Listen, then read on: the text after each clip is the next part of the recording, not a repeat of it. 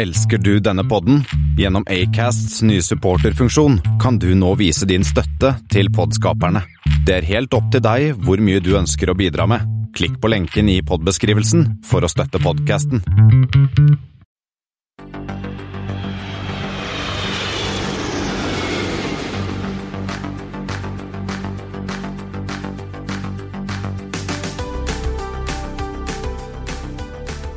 Hei og velkommen om bord på Flight 52. I dag har det blitt eh, hele 18. februar, og vi i Flypodden vi nekter å ta vinterferie. Ikke denne uka, da de har det i Oslo og Akershus, og ikke neste uke, da det er i Buskerud. Så vi still going strong. Vi er nok en gang samla her hos Espen hjemme på Hvalstad i Asker, og det, i dag i dag, Christian, er nesten eh, sånn at vi burde hatt en dobbeltsending, altså. Altså, det, vi, vi, jo, vi, vi, pleier jo å sitte Dette vet jo ikke dere som hører på, men vi sitter jo og gjør um, legger jo inn sånne ting vi skal snakke om.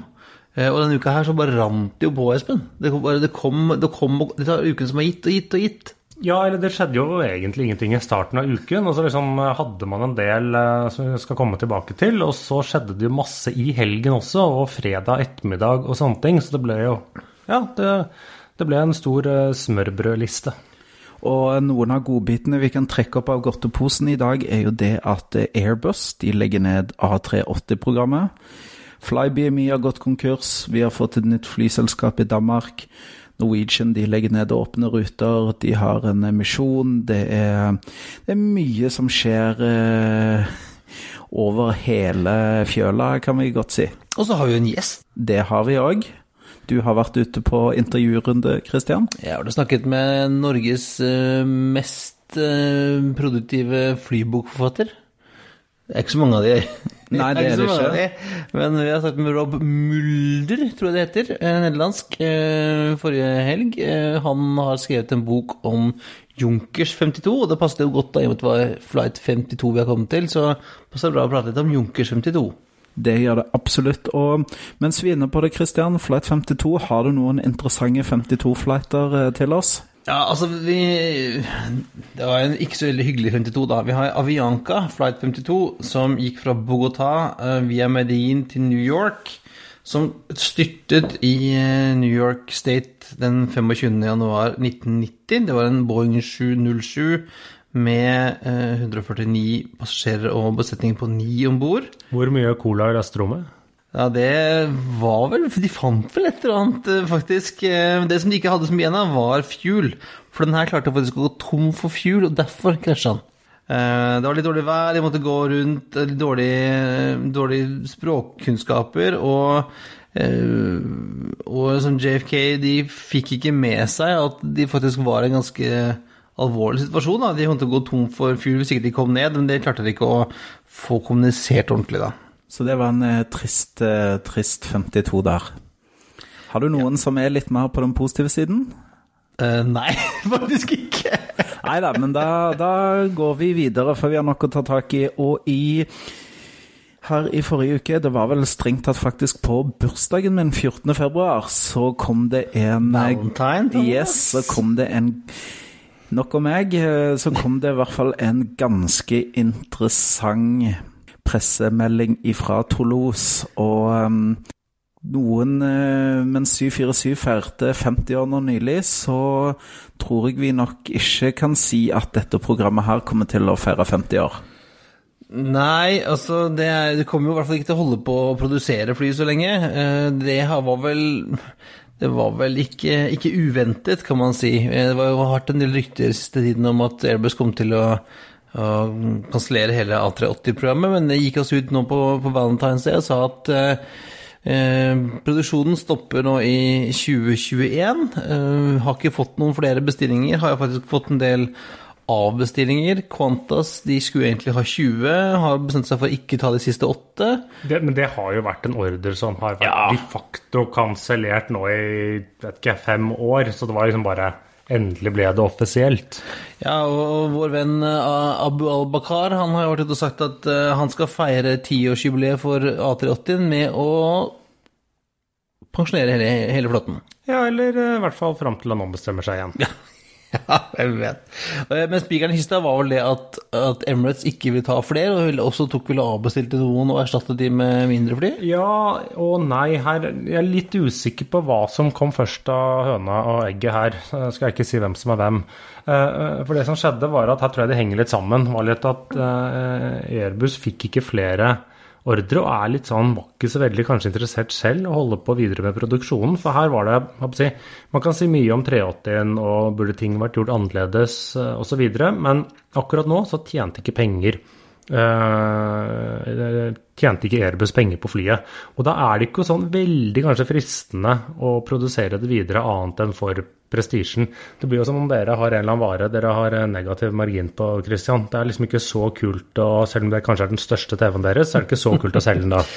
Nei, uh, Airbus prøvde seg om for litt siden med den der A380 pluss, Ja, de har gjort et forsøk. som ingen vil ha. Nei, de gjorde liksom for å forbedre den og sånt noe. så det ble jo da liksom en, en, en negativ. Så det som skjedde da var at mm, som en del av hele pakken, da kansellerte Airbus 39 av flyene de har i bestilling. Du mener Emirates? Emirates, ja, unnskyld. Eh, slik at de har igjen å få levert 14 fly, samt at ANA skal jo ta de tre disse kule skilpaddeflyene sine. -hmm. og så, men som en del av den da, var at eh, Emirates gikk ikke bare fra denne ordren. Eh, de har jo bl.a. bestilt motorer, og de har bestilt ja, selve flyene. For da samtidig så bestiller de da hele 40 Airbus A330-900, liksom Neo-versjonen av 330, og 30 A350-900. Merkelig blanding. Ja, men uh, dette gir jo en boost til A330-programmene. Det er jo eh, 800 spesielt og 900 generelt har ikke akkurat solgt i bøtter og spann, så det, det var nok en kjærkommen ordre der. og det er jo sånn som mange har spekulert i, at de kanskje vil bruke disse litt mindre flyene til å starte opp ruter og, og prøve seg litt fram. Og litt eh, regionalruter, så den er jo også litt interessant. For her er man litt sånn tilbake til scratch, da. For det er litt morsomt for en er det ti år siden, pluss minus, eh, så bestilte Emirates De hadde en MOU, eh, så det var en eh, intensjonsbestilling på noe sånt som 30-40 Airbus A330-300, som det aldri ble noe av. Så du kan si nå har den endelig kommet. Ja, Men med ny motor. med, med en ny motor. Og så har de også da bestilt da 3350-900. Og for å huske tilbake, var det en fire-fem år siden, så avbestilte da Emirates til sammen 70 350-maskiner, en blanding av 900 og 1000. Så nå er det jo sånn litt tilbake til scratch. Men så er spørsmålet, hvem er taperen her? Er det kanskje Boeing? Som ikke får solgt noen flere Dreamlinere til Emirates? Ja, jeg, vet- det, det, det gjenstår litt å se, fordi at det gikk tilbake mot slutten av 2017. Så undertegnet Boeing og Emirates en intensjonsordre på 478710-maskiner. Den har ennå ikke blitt bekreftet, så spørsmålet ligger den nå i et uh, Henger den i en tynn tråd? Blir det aldri faktisk noe av denne? Det har jo vært litt sånn spekulasjoner om at akkurat den, det flyet sliter litt med varmen eh, i Dubai eh, om sommeren. At det eh, kanskje får litt store penalties der. Men det gjenstår å se. Og du har jo også et selskap som Delta, som har funnet ut at kombinasjonen Airbus 330-900 og Airbus A350-900 er en kombinasjon verdt å satse på.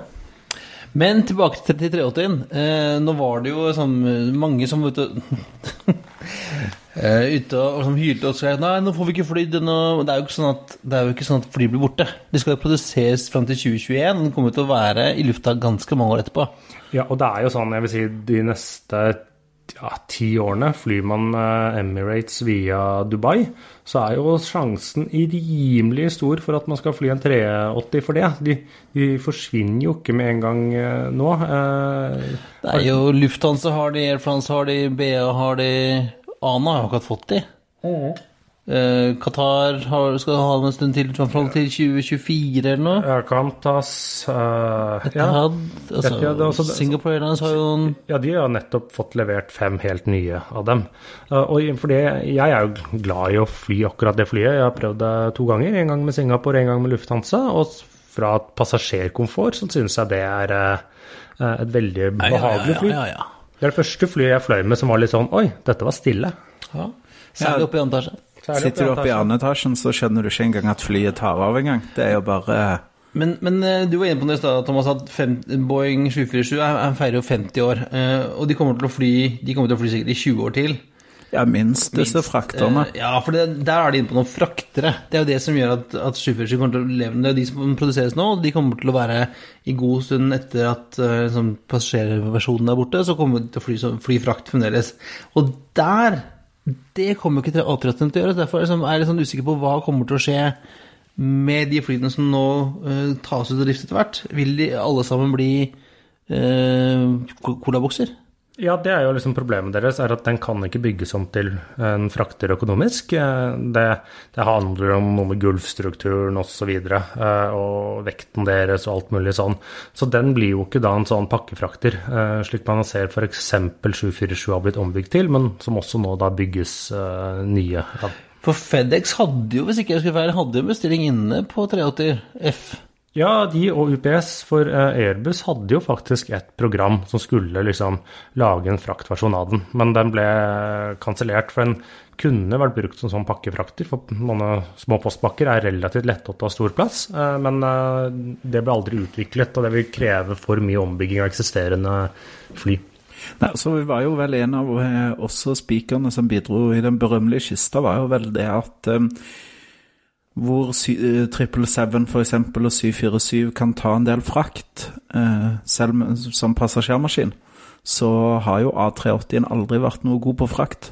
Ja, og så har- altså, mm, var det jo vel, gikk det veldig mye på, sånn, på seteøkonomien, og du kan jo fly 777s tar jo ganske mye, nesten Ikke like mange pakker, men ganske, det er ikke langt unna, eh, til en helt, helt annen kost. Nja, nja, den er litt Nja, nja. nja, Nå må jeg komme og arrestere deg litt der, for den, jeg vet hva du eh, henviser til nå, for det snakket dere om eh, før jeg kom inn her og kunne arrestere dere live.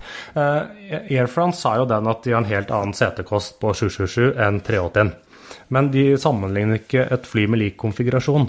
Disse Leham News, eh, som gjør en veldig god jobb på sånne ting, har liksom sammenlignet eh, hva hvis du tar si, samme type seter, eh, samme fordeling mellom business og economy i en 777-300 kontra en A380. Og så lenge du fyller flyet, så er da litt lavere setekostnad på 380-en. Men det er det, du må fylle Du må flyet fylle konsistent. flyet. Ja. Pluss at du har en helt annen, eh, en helt annen fleksibilitet med en 777 f.eks. på hvilken flyplass du kan fly til og sånn. Ja, ja, det er absolutt det. Den, eh, den krever jo sin rullebane og størrelse, den også. Ja, og men den, den må ikke spesielt ikke minst, ikke minst terminal, eh, terminalen er jo et problem for 380-en. Ja, ja det, er, det er egentlig taxibaner og terminaler eh, som er problemet. Rullebanen trenger den jo ikke så veldig. Den trenger en bred, bred og kort rullebane. eh, men, eller, ja.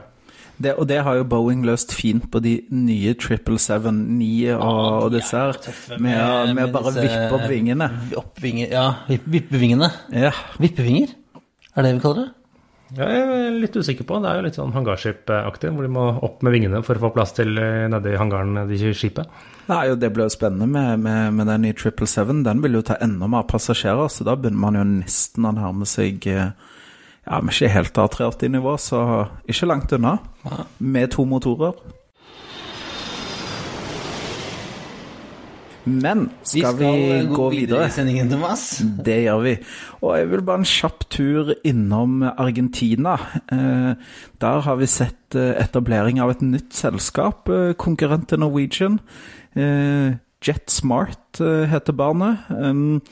Og de er vel ikke eid av hvem som helst? Nei, det er noen som kan fly, som vi har snakket om før. Det er Indigo-gruppa. De det er opprinnelig, eh, sånn som det ser ut, så driver de en operasjon allerede i Chile, men nå kommer de til Argentina. Og de starter med tre A220-er fra starten av. Um, så dette um, blir spennende å se. De, de starter ikke på eh, samme flyplass som eh, Norwegian. De starter på den tredje flyplassen i Buenos Aires, den som heter El Palomar. Det er vel den der militærbasen, gamle militærbasen, eller noe Ja, det stemmer vel. Og det er vel også der disse Er det Fly Bondi eller Bindi eller hva nå det heter? Fly Bondi, ja. Bondi, ja. eh, Flypla. Ja, det blir jo ikke noe lettere for Norwegian å tjene penger da, med en aggressiv aktør med mye cash, eh, altså Indigo Group eh, bak seg. Og eh, hvis de ønsker å satse på det argentinske markedet, så, um, så blir det vanskelig. Ja, så har du fremdeles Herolinas der også, og Flybondi som har vært her en stund. og ja, det, blir, det, blir, det er ikke lett. Nei, så det blir jo spennende å se. Det er nok ikke alle som kommer til å klare det, eh, av de som nå satser, men eh, Norwegian har en eh, fair sjanse. Absolutt, absolutt. Men uh, det er jo andre land Norwegian har aktivitet i, eller ikke aktivitet i. Hvordan går det nede i Iran? Den står der fremdeles, den. Og er uh, Khomeini kommet på halen, eller hva, hva skjer? Nei, det, det, jeg har noen som, noen som, som spekulerte sånn som vi har spekulert, også, hørte jeg om, om hvor, hvor Når blir det snakk om liksom å Sitter det noen og regner på om man skal liksom avskrive den eller ikke? Ja, det blir jo spennende å se. Så hørte jeg noen som hadde lagd en sånn klokke. Nå har den maskinen stått der i x antall Ja, for det har jo stått der nå i over to måneder. Ja. Over 60 dager. 65-66 dager nå. Uh, nei, den uh, var jo snakk om at, at den ble forsinket, papirarbeidet ble forsinket pga. shutdown. Nå er jo uh, federal government oppe å stå igjen, men den ser ikke ut som den er oppe å stå. Nei, så blir det spennende å se hva som skjer. Men uh, Norwegian de har jo kuttet litt, som vi også skal komme tilbake til etterpå. Men uh, de har jo ikke helt uh, sluttet med å øke på langdistanse for det? Nei, nå, denne uka her lanserte de jo to ruter. De lanserte Chicago til Barcelona, eller Barcelona Chicago, er det noe? Og den andre var JFK til Aten. Den var jo litt ny. Ja, den har jeg troa på. Ja, for det er jo, som vi snakket om, vi diskuterte ute i vårt redaksjonsmøte, så var det jo, er jo ingen lokale aktører som flyr fra Aten ennå. Vi har vært inne i den Athens Spirit. De er ikke på lufta ennå. Nei, så jeg, tror, jeg har absolutt troen på Aten, og det er jo eh, veldig mange grekere i New York-området, så hvis de kan få en direkterute til fra, fra, Aten, da, så tror jeg det kan bli bra. De starter jo fire ganger ukentlig, ukentlig så det er jo, ja, det er jo en grei frekvens. Og kun om sommeren. For det er jo slik jeg forstår det, er at uh, etterspørselen mellom Aten og USA om sommeren det er sånn egentlig ganske bra. Uh, men det er jo ingen som flyr om vinteren. Eneste college-student skal jo ned til Aten og ta stund på Kropolis og på de greske øyene osv. Så, videre, så Jo, og de gamle, gode gamle Olympic, da, som gikk jo konkurs så det sang, men de hadde jo både til Canada og flere på steder i USA og Australia de flere, og Sør-Afrika overalt. Det blir spennende å se, men det var altså øh, økningen til Norwegian. Så legger du jo ned Karibien. Ja, men jeg så jo Nja, er du ikke nja igjen, Espen? Nei, det er ikke nja igjen. Det stemmer. Eh, for jeg så jo en sånn oversikt, eh, disse er det Apex eller hvem som hadde laget, som har en sånn uh, database som prøver å beregne hvor mye flyselskapene tjener eller taper på rutene sine.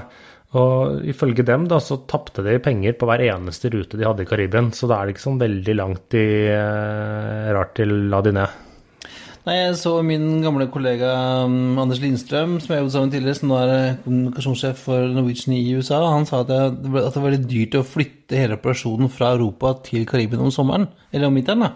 Så jeg skjønte ikke, har de sånn tydeligvis tatt med seg crew fra Europa som flyr disse, flyene? Ja, for de har jo hatt egentlig Den ble jo satt opp for å få liksom brukt overskuddskapasiteten ja. om vinteren eh, på et eller annet sted. Eller Ellers så har jo nå en del andre litt sånne kutt begynt å komme. Jeg leste nå nylig at det ser ut som de kutter f.eks. Bergen-Stavanger eh, med er det én eller to daglige flighter til sommeren. Det var noe kutt ut fra Helsinki til det København.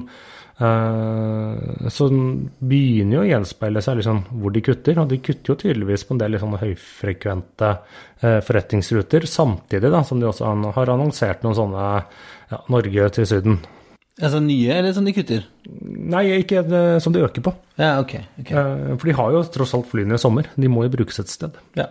Og, de, altså, de har, vi har sett det på sommeren fra, fra, Norge til et eller annet sted hvor det er billig øl og, og det er det varmt. Det kan de jo fly hvor som helst.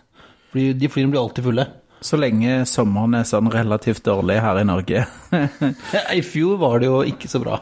Nei, da Tui eh, de gikk jo ut og sa at det var en, den, den, største grunnen til at eh, de, de, gikk så dårlig med det i fjoråret, var jo nettopp den, eh, den gode sommeren som var i Nord-Skandinavia.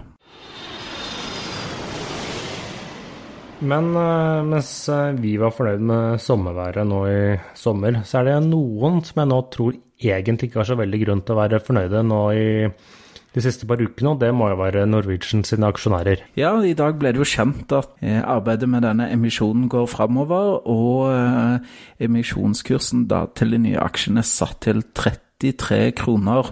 Så får vi jo håpe at den emisjonen blir overtegna og vel så det, for da stiger vel prisen. Men um, det var ikke noe gladnyhet på børsen og i markedene i dag. Og...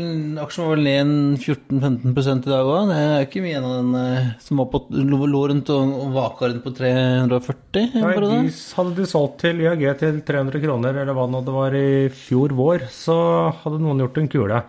Men den, den, er jo litt morsom hvorfor eh, kursen settes eh, så lavt. Det er jo fordi at Bjørn Kjos co. Eh, de har jo egentlig masse gjeld og brukt opp pengene sine, slik at de egentlig ikke har råd til å være med på um, emisjonen. Så de må sette kursen veldig lavt, slik at da de alle nå aksjonærene mottar såkalt tegningsretter. Og jo lavere kursen blir, jo mer er disse verdt, og jo flere sånne kan Bjørn Kjos og Bjørn Kise selge, og jo flere nye aksjer kan de faktisk kjøpe. Ja, det, der, altså, det er jo en ja, altså, ja, men likevel, så allikevel, uansett, så blir de jo vant ut. Eh, de har jo ikke lenger den eh, negative kontrollen som de har hatt. Nei, eh, ja, Om ikke de plutselig får masse penger et eller annet sted for å kjøpe mer aksjer, men de skal jo selge, kjøpe mindre enn de kunne. Ja, så det blir jo spennende å se. Jeg husker ikke helt Er det noen som har er, ja, de kommer vel til til å ende opp et sted mellom 15 og 20% av selskapet, kontra 25 i dag. Så det er jo en, eh, en kraftig eh, utvanning for dem også. Men sånn er det når de er eh, Har du ikke penger å være in the game, så er man ikke med. Det kan nesten virke som Bjørn Kjos håper at uh, Jon Fredriksen skal være redningen hans. Uh, men Jon Fredriksen er jo en mann som bare tenker på sin egen lommebok. Ja, men det burde kanskje flere i Norwegian også ha, ha, gjort. Eh, men han vil jo ha utbytter og ut, enten et utbytte eller uh, kunne få solgt det videre. Han er jo ikke interessert i å drive flyselskap. Nei, nei, nei, han skal jo ha cash. Det er shipping han kan. Ja, ja, ja. Men, men, men, han har jo også Nå vet jeg ikke om det er sånn, men han var jo en periode en av de største eierne i TUI, faktisk. Ja, det var... Og ikke fordi han ville ha uh, TUI, men fordi han ville ha uh, rederiet, som også er en del av TUI. Ja, for det, Lloyd vil han jo ha. Ja, for det var jo litt sånn de drev både med båter og fly og ja, ja. alt mulig rart. Uh, så uh, det blir jo spennende å se hvem som tegner seg for hva. Så skal vi kjøpe aksjer på den kursen, Espen? Du skal ikke kjøpe enda, har jeg sagt, men kanskje etter emisjonen. Uh, hvis den da blir lav nok, så er det kanskje litt sånn kortsiktig oppside. Men ikke noe der jeg kjøper foreløpig. Noen som derimot eh, ikke har Det er for seint? Ja, det er for seint. Der er aksjene null and void, holdt jeg på å si. Det er Fly BMI. Det verserte jo litt rykter her eh, om at de flyene begynte å fly, og hadde fått beskjed om at de skulle fly hjem til UK. Eh, flyene stakk hjemover, og ikke lenge etter det så eh, tikka meldingen inn om at de var konkurs. Og da um, åpner vi konkurshjørnet ditt, Espen. Ja, da fikk vi dessverre et uh, tema her i dag også. Så det er jo da, da Fly BMI eh, konkurs. De var jo tidligere det som het BMI Regional. Eh, og dette må jo forresten ikke eh, forveksles med British Midland, selv om det ja, på en måte er det, eller hva, Christian? Nei, altså det er jo litt langt opp, men altså British Midland eh, ble jo eh, kjøpt opp eh, av BI, men altså dette, dette som nå heter BMI, Fly BMI ble startet som Business Air 1987, kjøpt av British Midland 1998 bytta navn til British Midland Commuter. Rebranda til BMI Regional i 2001. Sammen med British Midland ble BMI. Og da, på den tiden, så var BMI eid av han uh, Sir Michael Bishop, grunnleggeren, uh, sammen med som hadde halvparten. Lufthansa 30% SAS hadde uh, 20 Hadde solgt seg ned fra 40 uh, Og i 2009 så tok da Lufthansa full kontroll av, av BMI, og så solgte de hele greia igjen til IAG i 2012. Hadde ikke du gullkort i BMI sin tid, Espen? Diamond, eller Jo, det var en sånn nære liten uh, snarvei. Sånn at hvis man egentlig ikke reiste nok til å få gull med SAS, men reiste nok til å trikse og mikse litt, så var det mulig og lettere å få uh, gullkort der. Jeg tror jeg knapt nok fløy med dem. Jo, jeg um, prøvde liksom ruten deres fra London til Bergen en gang jeg skulle hjem til Norge for å kjøpe en sånn råbillig business class. Også ditto med disse hva skal jeg si, regionaldelen deres, for de fløy jo for SAS, bl.a. for um, Glasgow og Edinburgh til København. Og jeg studerte tre år i Edinburgh, og da fløy jeg en del ganger da Edinburgh-København uh, med disse ERJ 135 og 145, og så videre med SAS til Oslo. Jeg hadde, jeg hadde jo et lite sånn Husker også fra back in the day så var det jo et lite triks da hvis man var medlem i bonusprogrammet til BMI det var Hvis du hadde vært ute og flydd uh, på bonusbilletter, så kunne du ta og sende inn boardingpassene til Fly, FlyBeMe, så fikk du poeng likevel. Så det var, var ikke helt stålkontroll. Det var en grunn til at Lufthansa ikke ville overta hele butikken og solgte til IAG. da. Uh, men altså i 2012, hvor IAG overtok BMI så valgte, Da besto jo dette, denne gruppen av BMI, som var liksom, et vanlig mainline-flyselskap. Og så hadde du BMI Baby, Eh, som var low cost-brand, og så hadde du BMI Regional, da. Eh, og BA ville ikke overta BMI Baby, la ned hele greia. Integrerte BMI i eh, Mainland British Airways. Og BMI Regional ble jo solgt noe, noe som het Sector Aviation Holdings, um, som uh, igjen ble Airline Investments Limited, som også eier Loganair. Eh, og det ser vi nå at, at nå som de legger ned, eh, eller BMI går konkurs, eh, fløy til Stavanger, Newcastle, Oslo Aberdeen og litt sånn forskjellig, så er det jo Loganair som tar over. Ja, det er i hvert fall De har liksom annonsert Store deler i hvert fall av, av ja, de, ja, rutene. Fem av rutene deres. Blant annet er Berlin-Oslo fra mars og Newcastle-Stavanger. Eh, og så var det noen ruter, var noe sånn Brussel-Bristol og Aberdeen-Bristol og Ja, for de fløy litt sånn shuttle for Airbus, fløy de jo også. Gjorde de det? Ja, ja. De fløy, Bristol er en sånn Airbus, der bygger de jo vinger. Ja, det stemmer det. Eh, sånn det, det har og så fløy de Jönköping. Ja, og det, sånn, de, de, hadde to sånne litt rare svenske ruter, eller rare og rare. Det var Norrköping-München og en rute som var Karlstad, Jönköping, Frankfurt. Og dette var liksom Var det for Lufthansa, eller var det i samarbeid med Lufthansa, eller var det egentlig den lokale kommunen som sponset dette? Jeg er ikke helt sikker. Mm, men det er litt, mm, litt sånn på sitt tragiske nå, er jo at Norrköping står nå uten flytrafikk om vinteren. Nå har de bare sånne sesongsommerruter igjen. Ha.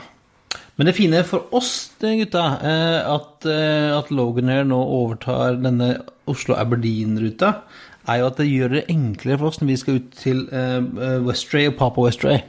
For nå kan vi kjøpe gjennomgående billetter helt til Papa Westray fra Oslo. Jeg kunne ikke det før. Samme eier. Nei, kunne ikke uh, Så det vi, vi gleder oss.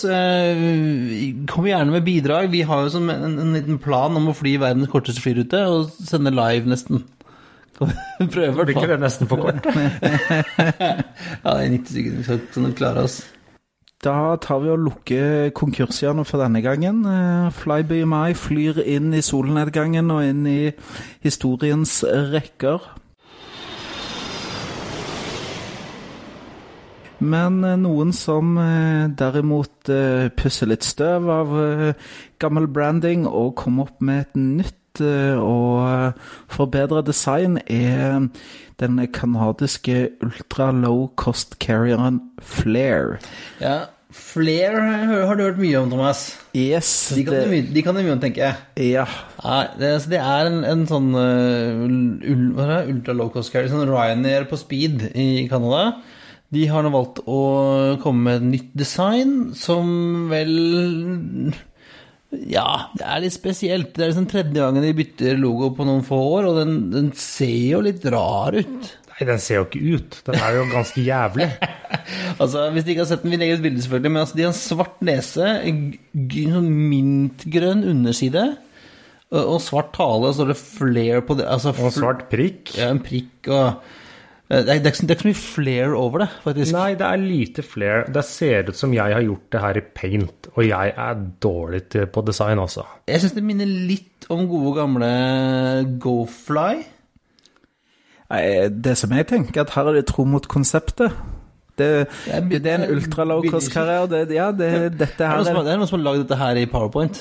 Ja, dette, dette, er noen hos flere som har sittet og bare tenkt sånn eh, Ja, skal ikke vi ta en liten rebranding på flyet? Og så Ja, Har en sånn intern eller noen andre hos flere bare funnet ut at eh, skal det ikke se sånn ut, da? Men, men det er jo tredje eh, livery deres nå på ja, Siden de startet, var det i 2005 eller 2006 eller 2009, eller når de egentlig begynte å fly. Først så hadde de, jeg vet ikke hva det var, og så byttet de til ja, dagens, eller gårsdagens, i 2015.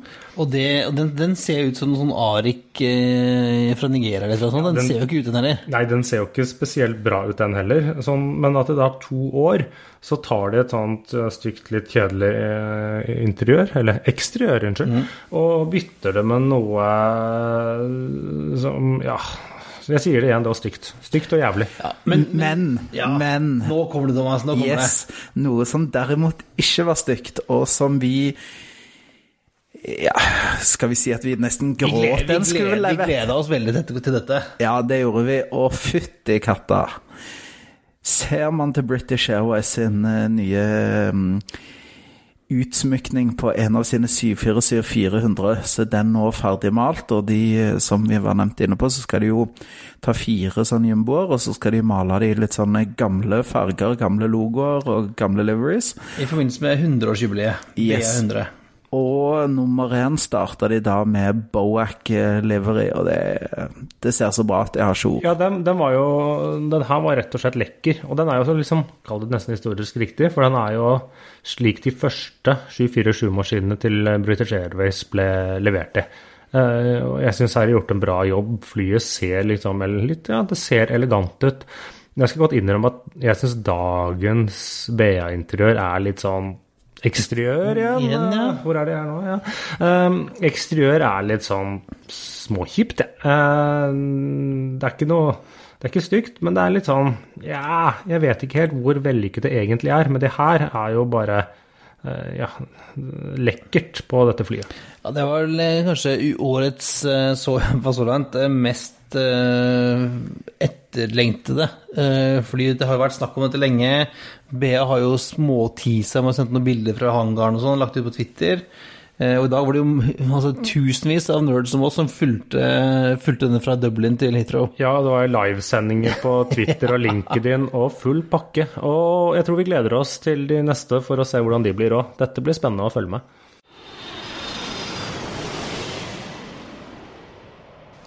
Noe som også blir spennende å følge med, er hvis vi tar turen til Danmark. Og det er jo ikke hver dag det starter et nytt flyselskap, men det ble det også gjort sist uke. Det tror jeg også var på bursdagen min. eh, 14. februar, og da er det eh, flyselskapet med det eh, flotte navnet Great Dane Airlines som har har Great Dane Airlines.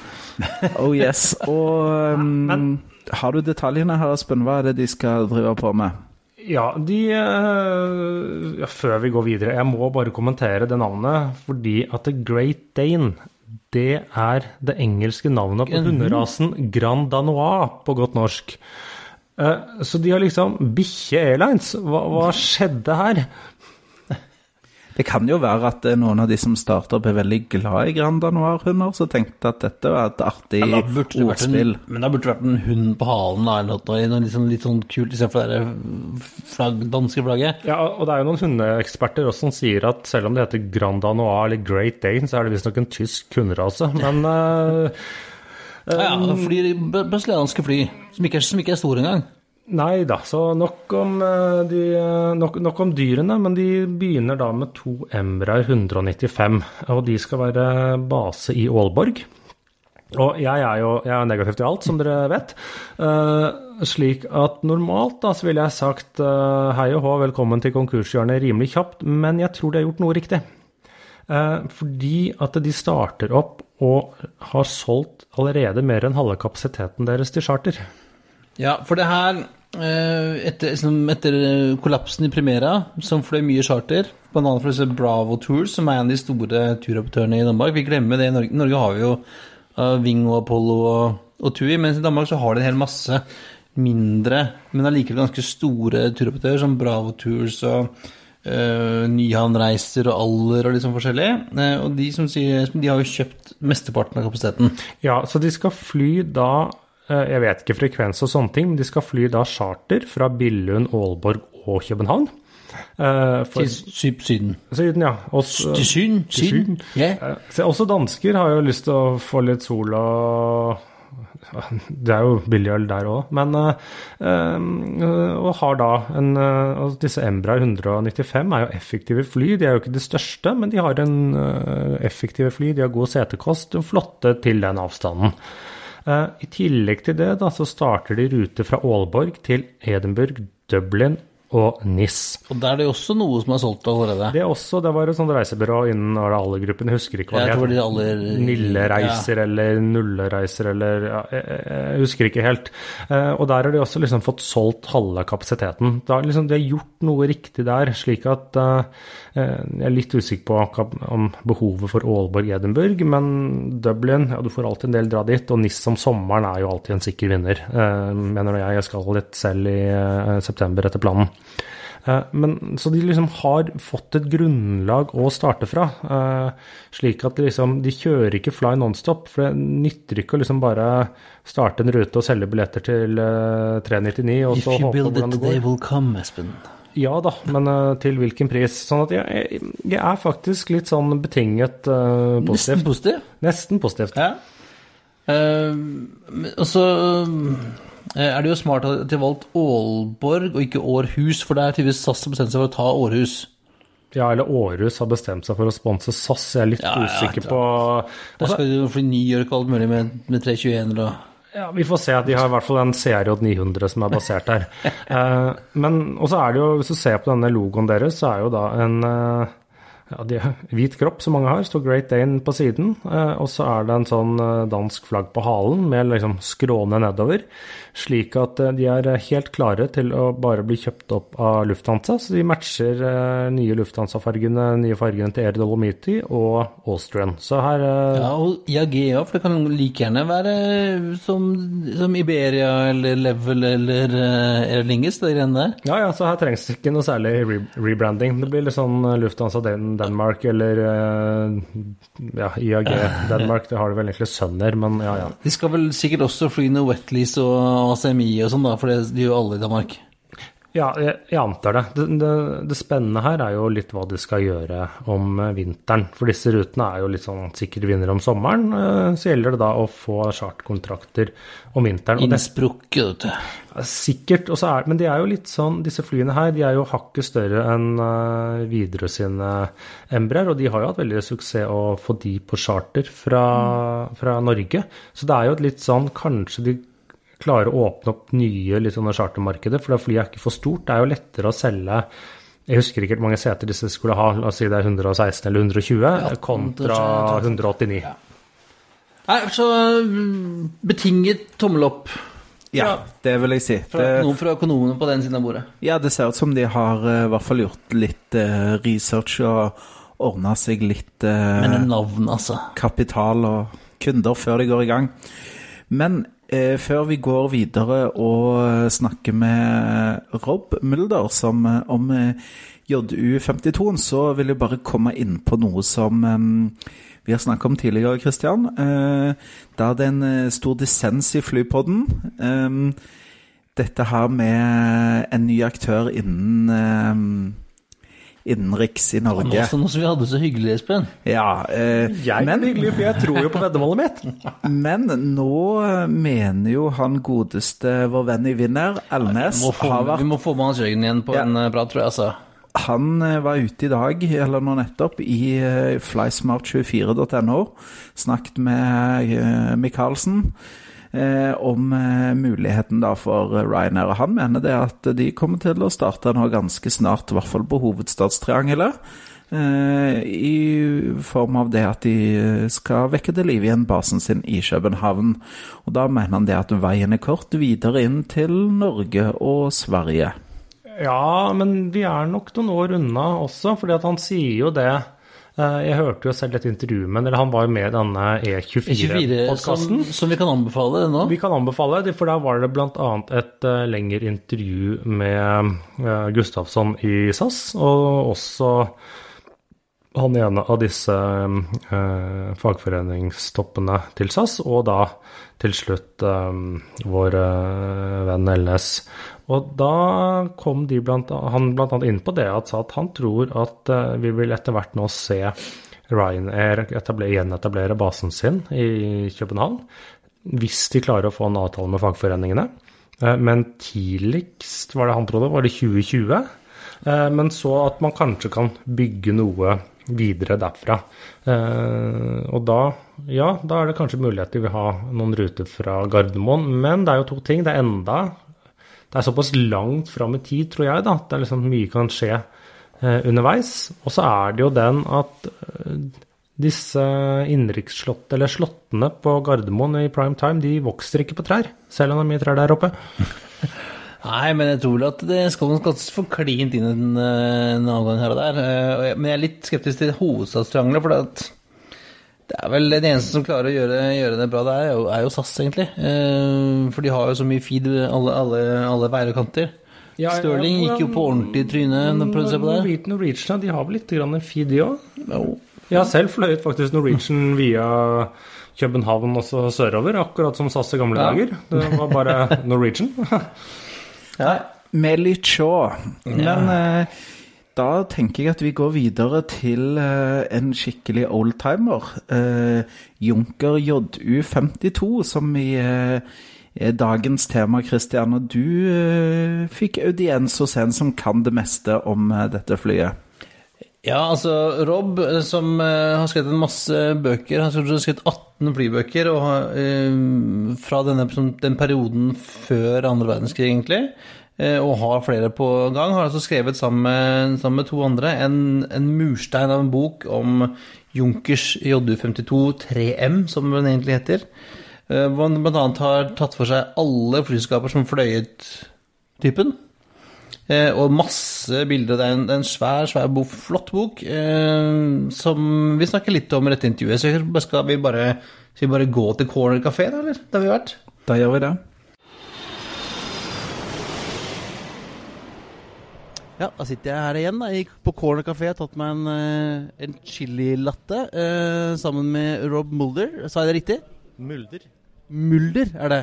Mulder på nederlandsk, men det klarer ikke det å si, så uh, mulder pleier de fleste nordmenn å si. Mylder? Du myldrer rundt? Ja. Muldre med flu. og du er jo, vil jeg si, Norges mest produktive flybokforfatter. Takk for det. Det kan nok stemme, det. Dette her er bok nummer 18 som har kommet ut nå, så uh, vi er godt på gang. Godt i gang. Og denne boken er jo Junker 52, eller 52 3M, er det riktig å si? Det er riktig. 3M skal de si også. Det er ikke alle som gidder å si. For det er jo to Junker 52? Ja, jeg har jo 52 som er e-motor, som var utgangspunktet. Og så eh, ble det i 1931 bestemt at de skulle bygge tremotorsfly også. Og det var Lufthansa som spurte om det. Så de trengte det til sin alperute. Og det er den som kanskje er mest kjent, den med én motor i nesa og én på hver vinge? Det stemmer det. Det er den. Det er den som er mest kjent også i Norge. Og for den boken du har med deg nå, den fulle, fulle tittelen er eh, Junkers Jo-52. Eh, 'Success beyond the Luftwaffe'. Og Det er fordi boken behandler alle, alle Junkers 52 3M-flyene som er blitt bygd eh, og brukt, unntatt de som har vært i Luftwaffen mellom 1935 og 1945. For Det er blitt skrevet så mange bøker om det at det gadd ikke vi å skrive noe mer om. Og du ser jo at uh, bare den boken har blitt allerede på over 400 sider. Så det er nok å skrive om andre ting også enn Luftwaffen. Og Junker 52 kan, Jeg kaller det bare 52, jeg, i stedet for å ta hele greia. Uh, er jo um, altså, Har ganske, en ganske stor viktighet for norsk luftfart. Det har den hatt, ja. Den har jo uh, stått for hele utviklingen av luftfart før krigen. Du kan si 1935 eh, fikk vi jo Norge sin første Junkers 52. Og uh, den ble jo brukt på kystruten fra Oslo til Bergen. Og i 36 så begynte den også å fly nordover til Tromsø. Og den har betydd veldig mye for, for Norge. Selv, selv om det har vært et flyulykke med den, et stort flyhavari i 36, så mistet folk ikke troen på flyet og fløy videre. Og det er sånn veldig mange så, i veldig mange, så, så man kan snakke med at DC3 er det, så, det flyet som fikk et kommersiell utfart i gang. Men i Norge er det kanskje Junker 52, eller? Ja, det er vel det. Selv om uh, DC3 var egentlig Suksessen av DC3 var jo at uh, flyselskap for første gang tjente penger på det. Og det gjorde man ikke når man fløy med Junkers 52. de var fortsatt litt for gammel modell, kan du si.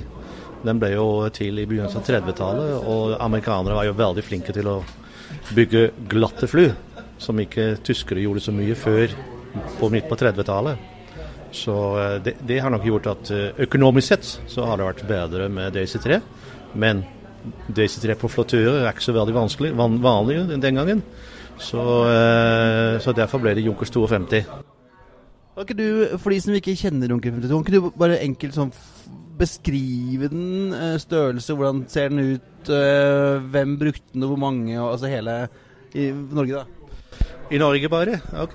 Uh, hvis vi ser på Junkerstua 350, så er det en tremotors uh, som, som, kan brukes på både ski, uh, flottører og på hjul.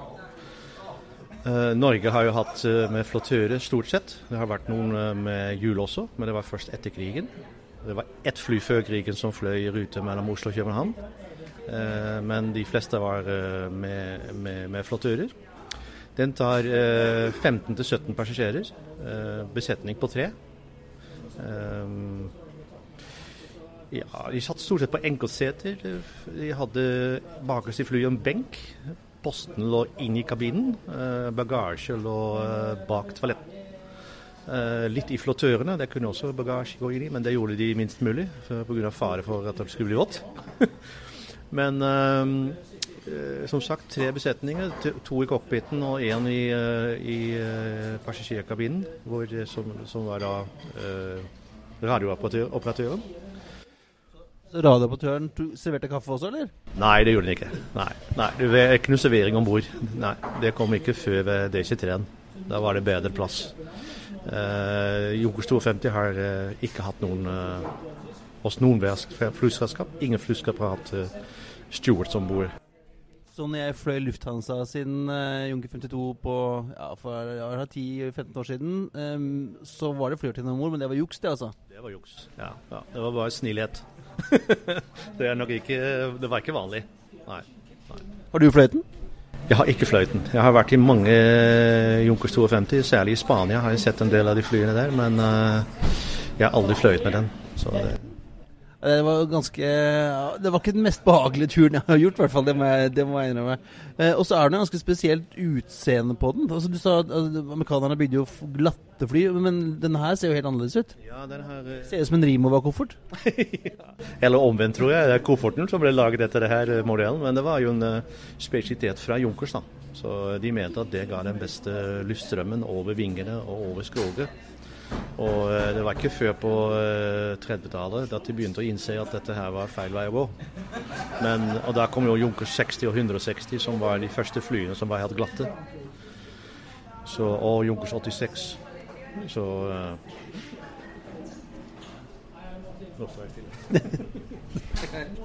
ja. um, og Junker 52 brukt av DNL før krigen på flottører, og fortsetter vel også etter krigen?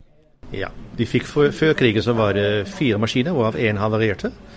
Uh, og etter krigen så, så, ble jo den første DNL lagt ned i 46. Jeg gikk opp i Fred Olsen, må vi si. Fred Olsens flyselskap. Og så ble det dannet et nytt DNL, som da uh, staten eide 20% og resten ble fordelt over private selskap. Eh, rederier, banker og alt sånne ting. Og de begynte igjen med Junkers 52, som de tok over fra hæren. Som hadde blitt, lagt, som hadde blitt satt igjen etter krigen. Pustet opp i, på Horten, og så eh, satt i tjeneste igjen på ruter inn, i Norge de første omgangene. Og noen av dem ble vel smalt i SAS-farger òg? Det stemmer. De har fløyet både med DNL-farger og med SAS-farger. Så det, de finnes, finnes mange fine bilder av det. Hvor lenge holdt de på i Norge? Uh, eh, 56 var den siste flyet som gikk ut av tjeneste. Og det er en av de som står i Bodø, er det ikke sant? Nei, er ikke, den er ikke norsk. Ah, det er juks? Det er portugisisk. Så det er, eh, det er altså en, eh, en um, bygd i, i Afgasa, var det vel, som bygde den maskinen der, i Spania. Ja, for det snakket vi litt om før vi begynte, at Junkers bygde jo ganske mange maskiner selv, og så ble de lisensprodusert rundt omkring. Ja, det stemmer det. Uh, før krigen så brukte de stort sett bare i Tyskland, men etter krigen så begynte franskmennene, allerede under krigen må jeg si, desember 44 så begynte franskmennene å bygge disse flyene i lisens. Og de bygde over 400 stykk til eh, flyvåpenet, marinen og til flyselskapene. Air France var jo en av de største brukere av uh, Junkers 52 noen gang. Det var mer enn Tyskland, så de hadde over 80-90 fly samtidig. Uh, så ble det også bygd i Spania hos Gaza. ble det bygd over 170 fly. Og de ble stort, stort sett brukt av det militære. Så de ble også solgt videre til andre flyvåpne i Portugal og i eh, andre land var vel Afrika, tror jeg noen land i Afrika som også brukte den. Mosambik. Hvor mange totalt ble det bygd? Uh, rundt 5800 fly ble totalt bygd. Vi tenker liksom på at DC3 ble bygd i 11 000. Men så glemmer ofte at det ble bygd såpass mange Junkers 52 også? Ja, det gjorde det. Det, gjorde det. det var et transportfly under krigen som var veldig viktig. Eh, og det var jo egentlig bare en nødløsning. Man håpet jo egentlig å kunne begynne å bygge den Junkers 290 og 390 som de store etterfølgere av Junkers Junker 52. Men man kom ikke i gang fordi flyene var rett og slett for store, og det kostet for mye ressurser for å bygge den. Så dermed ble Junker 52 hele krig, under hele krigen brukt som eh, fraktfly. Og så var det et fly som kunne brukes til det meste. Det var passasjerer, det var eh, fallskjermjegere, transport Kasta noen bomber her der òg, tenker jeg? Det gjorde de. Du hadde faktisk en modul. Når de bygde flyene, så ble det bestemt hva slags modul det var i midten. Du kunne ha en passasjermodul, du kunne ha en ambulansemodul, en bombeflymodul, og du hadde en uh, fraktmodul. Så de, de, bestemte da i forkant hva slags fly det skulle bli, og så ble den modulen satt inn, og så ble vingene og alt annet satt rundt omkring det. Og den norske maskinen, En av de norske maskinene faktisk, hadde faktisk en bombemodul. Det var den som uh, marinen tok, som het F400. Den ble, den ble, det ble kjøpt en kit som da ble satt inn i eh, september 1939. Og dermed kunne flyet kaste bomber. Og hadde mitraljør på toppen og en bombesikter nederst. Okay. Og så var det jo litt gøy at, at um, en av de tidligere kundene før krigen var jo British Airways. Altså ikke dagens, men det gamle British Airways? Gamle British Airways, ja. De kjøpte en del fly. De fikk ikke lov å, kjøpe dem direkte i Tyskland, så de kjøpte dem via Sverige. Så de kjøpte flyene fra AB Aerotransport. Og de ble brukt stort sett som fraktfly på, eh, på Tyskland, på Berlin og på, eh, på, Norge. Og de fløy jo fra august 39 så fløy de jo til eh, Stavanger, Oslo, Stockholm og Helsinki. En rute fra England. Så det, den har blitt brukt av British Airways før og under krigen også. Og etter krigen så var det jo ganske Selv om mange ble, fly ble ødelagt i krigen, så var det veldig mange av de 5000 som var igjen. Og da ble de sånn spredt over alle vinder, eller? Ja, ja det, var, eh, det var eh, RIF som styrte alle Junkers 15 hvor de skulle gå hen. Så eh, oppe i Flensburg så hadde de et kjempestort lager, og mange av de flyene de gikk faktisk til England. Og British European Airlines, de, Airways de brukte jo det flyet på sine ruter i England. Så eh, de har fløyet mange mange år etter krigen også der. Og har, I boka di, som jeg bladde litt fort om i stad, så var, er det jo var det brutt i Sør-Amerika, det er brutt i Afrika, i hele Europa, i USA, Canada Altså all over? Ja, USA og Canada var kanskje de eneste store uh, unntakene. Fordi uh, Canadian Airways har hatt en uh, Junkers 52, sånn enmotorsfly. da. Men uh, tremotorsfly de, uh, de, trengte man ikke i, uh, i, Amerika, i USA. Der hadde jo DC-3 og Lockheed, som var de store flyene på 30-tallet. Og det er jo et par stykker som flyr fremdeles? Det gjør det. Dessverre så styrta jo en i fjor, august i fjor, men i Sveits. Men der har de fortsatt to maskiner igjen. Også Lufthansa sin maskine. Den flyr igjen. Jeg skal si fly de har jo mistet sin uh, støtte fra Lufthansa, så jeg er ikke sikker på hva de skal gjøre med det flyet nå. da, Men uh, det er altså et flyende modell, og så flyr det vel en i Sør-Afrika. Og den Lufthansa sin er jo en norsk maskin, er det ikke det? Ja Eller delvis? Veldig delvis, ja. Det er, uh, vingene er fra den gamle DAF, altså Najaden. Mens skroget er eh, fra en, en, et, en, krigsmaskine. da. For de måtte bytte ut hele skroget. Så, så det er egentlig skroget som gjelder eh, når det gjelder konstruksjonsnummeret. Men eh, du kan si at flyet har vært brukt i Norge, da. Eh, og i tillegg til den maskinen som, som er en, jukse, en juksemaskin eh, i Bodø, så finnes det vel andre på museum i nærheten også, er det ikke det? Ja, på Gardermoen finnes det en. Og eh, så finnes det en i Bjerkvik som vi holder på å restaurere. Eller de vet ikke helt hva de skal gjøre med det, men det, der står det i hvert fall også maskiner. Og så ligger det vel noen rundt omkring i noen fjord òg, tenker jeg? Ja, det stemmer det. I nærheten av Narvik så ligger det jo en del fortsatt i fjorden. Og det, de liker godt der. Og jeg syns de skal ligge der så lenge, så lenge som mulig. Har du lyst til å dra ned og plukke opp en? Det har jeg sikkert, men eh, hvis du gir meg et par millioner, så, så får vi det kanskje til. For du blir ikke rik av å selge flybøker?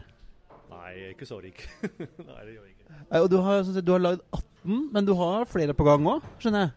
Ja, vi har flere på gang, ja. Så uh, vi har nå en bok om DNL som eh, kommer i løpet av et års tid, tenker jeg. Og så har vi en bok om uh, Lufthansa i Norge som begynner å bli ferdig. Og så har jeg en litt morobok som, uh, som heter 'Kjeller vi lander'. Og det skal handle om alle sivilfly som har landet på Kjeller før krigen. Med bilder og informasjon om hvert eneste fly. Så det er altså litt sånn avslapningsbok, som jeg kaller det, som jeg jobber på når jeg har lyst på det. Så eh, Eh, og så tenker jeg, Du har jo funnet en nisje, vil jeg si. Ja, stemmer. Sivil luftfart i Norge er jo uh, underbelyst, for å si det rett ut. Og, ja. Eh, og, og, men, men du har vel også, også nisjet deg inn på tidsperiode, er det ikke det? Det stemmer, ja. Min, min spesialitet er jo europeiske flyselskap før 1945. Og statenes politikk i forbindelse med det der. Og det er det som interesserer meg, det er det som fascinerer meg. Og jeg gjorde det faktisk da jeg kom til Norge, begynte jeg å spesialisere meg fordi eh, det var så vanskelig å få tak i material her i Norge på 80-tallet. Ja, ja, jeg er så gammel, jeg vet det. Og eh, da tenkte jeg ok, nå stopper jeg i 45, så den historien har vært, det er ingen som kan røre den. Og så begynte jeg å interessere meg mer og mer i norsk luftfart. Og første bok kom jo allerede i 87. Så eh, etter det så har det bare gått slag i slag, og nå er vi på bok 18. Så eh, jeg har også begynt å gi ut bøker til andre. Jeg også nevne. Første bok kommer jo nå i slutten av måneden om uh, Tor Kjøntveit. Veldig kontroversiell person, men en veldig fin bok. Har blitt skrevet om han eh, av Per Arvid Tellemann, som du kanskje kjenner. Og så kom det senere i år en bok om eh, Erik Engnes, som var pilot i Widerøe, og som, døde, som senere også fløy på Stockholm-rute, og som døde på Stockholm-ruta. Han ble skutt ned. Så det er, eh, det er nok å, å, å ta tak i. Stemmer det. Man må jo gjøre noe. Så Og hvis man vil finne disse bøkene, hvor går man da? da går man til uh, europeanairlines.no. Der uh, kommer det en hel ny webshop uh, og webside om en ukes tid. Og der kan man kjøpe det man vil. Der kan man slå seg løs. Og så har du med deg en gave til Flypodens lyttere, sant? Stemmer det. Eh, En av lyttere kan eh, vinne en bok, Junkers 52, signert av meg. Ja, jeg tenkte at det, det, det gjør vi som vi pleier. At Hvis du har lyst på den boka, så går du bare inn på Facebook-siden vår, flypodden Nei, sorry. Facebook.com slash flypodden, og så skriver du hvorfor akkurat du skal få den boka i posten. Og så finner vi en verdig, en verdig vinner. Hva høres det som en bra plan? Jeg tror jeg blir med på det nå. Fint. Da sier vi takk til deg, Rob. Bare hyggelig. Kanskje vi kommer, kommer tilbake igjen når det kommer med nye bøker. Gjerne det.